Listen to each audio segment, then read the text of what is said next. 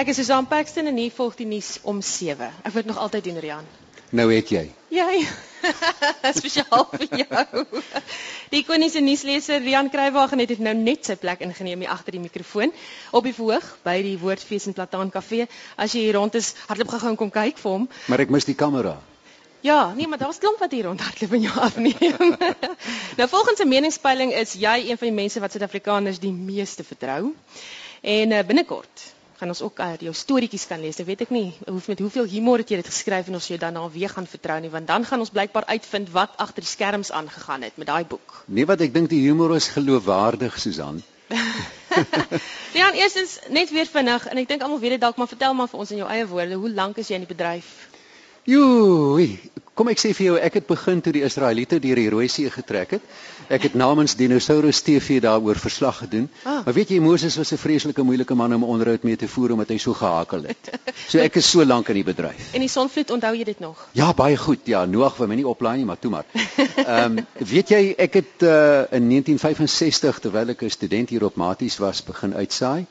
En uh so dis nou 47 jaar wat ek uh, aan die uitsaaiwese verbonde is waarvan die afgelope 37 jaar op televisie is. Sjoe, dis 'n lang tyd. Ek onthou nog vandat ek my oë oopgemaak het dink ek. Dankie, jy laat my goed voel. Jou biografie verskyn baie binnekort op die rakke. Ehm um, wil jy ons 'n bietjie daarvan vertel?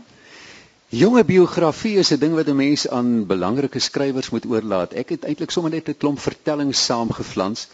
Ehm um, dit het begin terwyl mense om etenstafels en by braaivleisvure na staaltjies oor die uitsaaiwese geluister het en ook oor feite van die begin daar van televisie wat ek as een van die baanbrekers meegemaak het. En dan sê mense deurgaans vir my, maar hoekom is dit nie te boek gestel nie? Skryf iets daaroor. En vier uitgewers het my toe nou met verloop van tyd lastig geval en uiteindelik het eh, 'n uh, uitgewer my toe oorreed.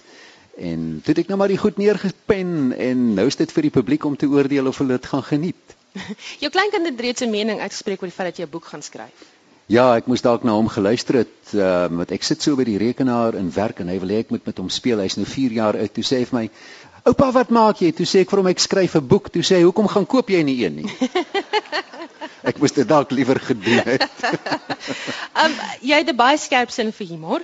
Um en en Meld Meyburg van die Woordfees het vir my gevra ek moet vir jou vra want jy lyk altyd so netjies. As die kameras rol, is jy per eksie perfeksie, maar kry jy ooit vuil gedagtes? ja, watter man kry nie vuil gedagtes nie? maar ek was hulle gou skoon. My antwoord. Jy laat dit altyd so maklik lyk like, agter die kameras. Is dit so maklik? Nee. Ehm um, daar kan so baie dinge verkeerd loop. Weet jy, 'n nuusaanbieder moet voortdurend bedag wees op iets wat verkeerd kan gaan. Ehm um, dit het byvoorbeeld eendag met my gebeur dat ek besig is om 'n berig van die voorseer af te lees en met eens gaan staan die ding hier in die middel van 'n sin toe die dame aan die slaap geraak wat die ding gerol het. En uh, nou ja, toe moes ek nou maar voortlees tot ek by 'n insetsel kom en ek haar toe nou kon wakker maak, maar op 'n sagte manier. Sjoe. Ehm um, hoe belangrik is taal vir jou? En die gebruik taal, daarvan? Taal is vir my baie belangrik. Ehm um, ek glo 'n mens kan 'n lekker goeie gemaklike Afrikaans praat sonder om jou Afrikaans met Engels te deurspek. Dis nie regtig nodig nie. Hier en daar het 'n mens 'n Engelse woord nodig soos uh, wat is 'n tire nou weer in Engels? Ehm um, maar in die algemeen, jy weet, veral ek is jammer om te sê, maar sommige kunstenaars maak hulle skuldig aan ooh, dis 'n awesome uh byeenkoms hierdie en die stage is so lekker en die songs is pragtig en die tipe ding. en ek dink net dit is nie nodig nie. Ons kan nog steeds gemaklike Afrikaans praat sonder om dit noodwendig met Engels te deurspek. Hmm. En dan um uitdagings vir joernaliste en nuuslesers vandag. Ek dink die uitdagings is groot. Daar is baie nuus wat daagliks gebeur. Maar nou moet ek ook bysê dat die nuustoneel vandag vir joernaliste myns insiens makliker is as in die vorige politieke bedeling toe ons onderworpe was aan soveel ehm um, wetgewing, veiligheidswetgewing. Jy moes oppas dat jy nie 'n gebou in 'n nuustoneel vertoon wat 'n nasionale sleutelpunt was nie. Dan sien jy nie moeilikheid. Ehm um, jy kon bepaalde mense nie aanhaal nie. Jy kon bepaalde mense nie wys nie. Uh so dit was 'n mynveld waarin joernaliste beweeg het. Uh vandag is dit baie makliker. Maar Die grootste uitdaging dink ek vandag vir joernaliste is om met uh, ander mee te ding. Vir enige stasie om weet relevant te bly, moet hy weet wat sy oppositie doen en hy moet voortdurend probeer om daarop te verbeter. Baie dankie. Dit was 'n ikoon, nuusleser. Rian Kruiwagen. Ek gaan jou nou laat gaan. Jy's uh, nou net hierna. Doen jy nou maar hier weer. Dankie.